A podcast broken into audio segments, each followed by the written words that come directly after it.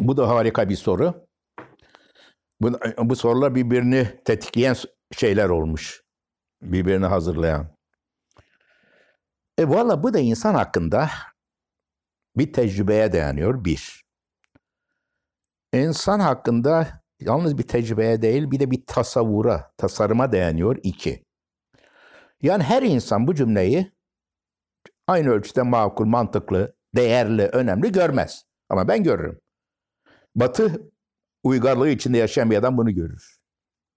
Şimdi şöyle düşünelim. Biz insan mıyız? Evet. İnsan olmak güzel bir şey mi? Bence güzel bir şey. Evet. Yani hayvan olsaydık zaten bu soruyu soramazdık. Kendi kendimize konuşamazdık. Hayvanlar adına da onlara kötülük yapmak istemiyorum. Hayvan olmak da muhakkak güzel bir şey. İtirazım yok. Hayat da güzel bir şey. Ama insan olarak hayata sahip olmak var, e, kedi olarak hayata sahip var veya bitki olarak hayata sahip olmak var. Girmeyelim o konuya. Peki insan olmanın değerini meydana getiren şey ne? Biraz daha ne dedik? Bütün insanlar doğara bilmek isterler. Benim kanaatıma göre insan olmanın değerini meydana getiren temel şey bizim akla sahip olmamız. Zihine sahip olmamız. Bilmeye ihtiyacına sahip olmamız. Uygarlığı da meydana getiren şey bu. Güzel. Eğer akıl böyle bir şeyse o zaman doğayı, güneşi, ay ve güneşin hareketlerini, bitkilerin nasıl büyüdüğünü, nasıl geliştiğini, geçmişte dünyanın hangi dönemlerden jeolojik olarak geçtiğini, öyle değil mi? Bildiği gibi, bilmek istediği gibi kendi hayatını, kendisini de bilgi konusu yapmayacak mıdır? Sorgulamayacak mıdır? Ben neyim? Ben kimim? Özüm nedir? Ne yapmalıyım? Niçin yapmalıyım? Bir amacım var mıdır? Sorgulayacaktı değil mi? Yunan insan bunu yapmış. Sokrates de bunu söylemeye çalışıyor. Yunan felsefesi önce doğa felsefesi olarak ortaya çıkmış. Yani doğanın ne olduğunu anlamaya çalışmış. Biraz evvel söylediğim yönde doğada işte hareket nedir, değişme var mıdır, yok mudur, her şey sabit midir, nereye doğru gitmektedir vesaire.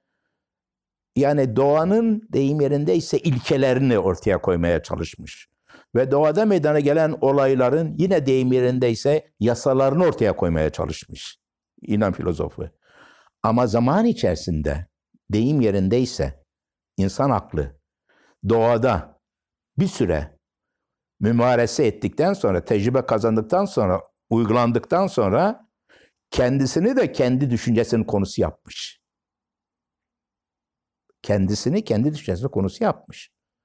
O zaman kendisini de incelemiş. Ben neyim? Özüm ne? Doğam ne? Ben doğadaki diğer varlıklar gibi bir varlık mıyım? Yoksa onun yanında başka bir özelliği olan bir varlık mıyım? İyi ne? Kötü ne? Ben haz peşinde mi koşmalıyım? Efendim? Yoksa benim bir ödevim var mı? Ben bir vicdana sahip miyim? Doğru mu? Evet. Ha bu arada topluma bir bakmış ki mesela toplumda bir takım kurumlar var. Geçmişten gelen Yunan toplumlar bahsediyorum. Birçoğu, birçok insan Yunan toplumunda köleliği yani bir insanın başka bir insanın emri altında onun bir alet olarak efendime söyleyelim muamele görmesi doğal kabul etmiş. Ama bazıları doğal kabul etmemiş. Bazıları doğal kabul etmemiş. Sofistlerden bir kısmı çıkmış demiş ki kölelik doğal değildir. Ahlak alanına da şey yapmış. Bir takım adamlar gelmiş daha da enteresan. Kritias gibi sofistler dine incelemeye başladı. Din nedir? Yani din duygusunun, tanrı korkusunun temeli nedir? Acaba bu yasalara yasalarda yasaların efendim yetmemesinden ötürü ve yasaların e, kamusal e, alanda uygulanmasıyla yetinmeyip de aynı zamanda tanrıların görmediği veya bilmem ne yapmadığı bir alanda, bireysel alanlarda da insanları şey yapmak için mi? E, ne diyelim disipline altına almak için mi? İşte bütün bunların hepsi yani hayat derken Sokrates'in kastettiği hem kendi hayatı hem genel olarak insanın hayatı. Sorgulanmayan, sorgulanmayan, düşünülmeyen, üzerinde düşünülmeyen bir hayat yaşanmaya değmez. Bakın bu bir tercih. Ama sadece tercih değil bir tespit. Sadece bir tespit değil bir tecrübe.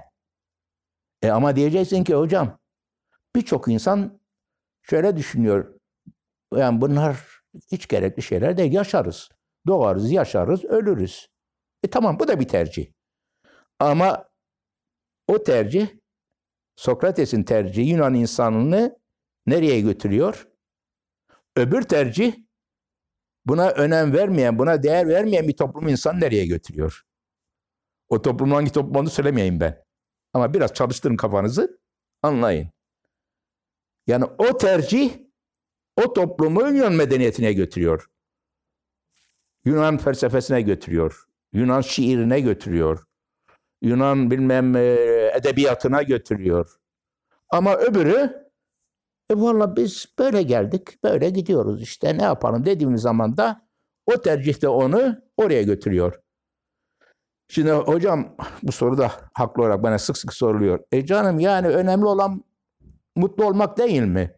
Yani sorgulamayan bir hayatı, sorgulamayan bir şekilde yaşayan bir insan da mutlu olmuyor mu? Bu iyi bir sorudur. Evet, e kediler de mutlu. O zaman mesela hatta belki ağaç sorsak kendisine nasılsın? Valla çok mutluyum diyecek işte. Suyumu alıyorum, güneşimi alıyorum, bilmem neye doğru gidiyorum. Ama bu insan hayatı değil. Yani insan böyle bir varlık değil. İnsan görüyoruz ki öyle değil. İnsan senfoni yazıyor, insan senfo bilmem müzik yapıyor, şiir yazıyor, hatta yarış yapıyor, koşuyor, oyun oynuyor, düşünüyor, ahlak inşa ediyor, iyiyi arıyor, yetinmiyor.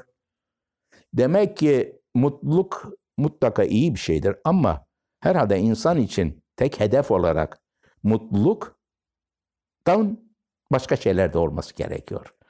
Bilgi de bir mutluluktur. İşte Yunan insan böyle diyor. Bilgi mutluluktur diyor. Dolayısıyla ben de o bakımdan Yunanlıyım. Yani ben de öyledir. Hatta yani bir, mu, mutsuzluk veren bilgi bile bana mutluluk verir. Veya mutluluk veren cehalet bile beni mutsuz eder.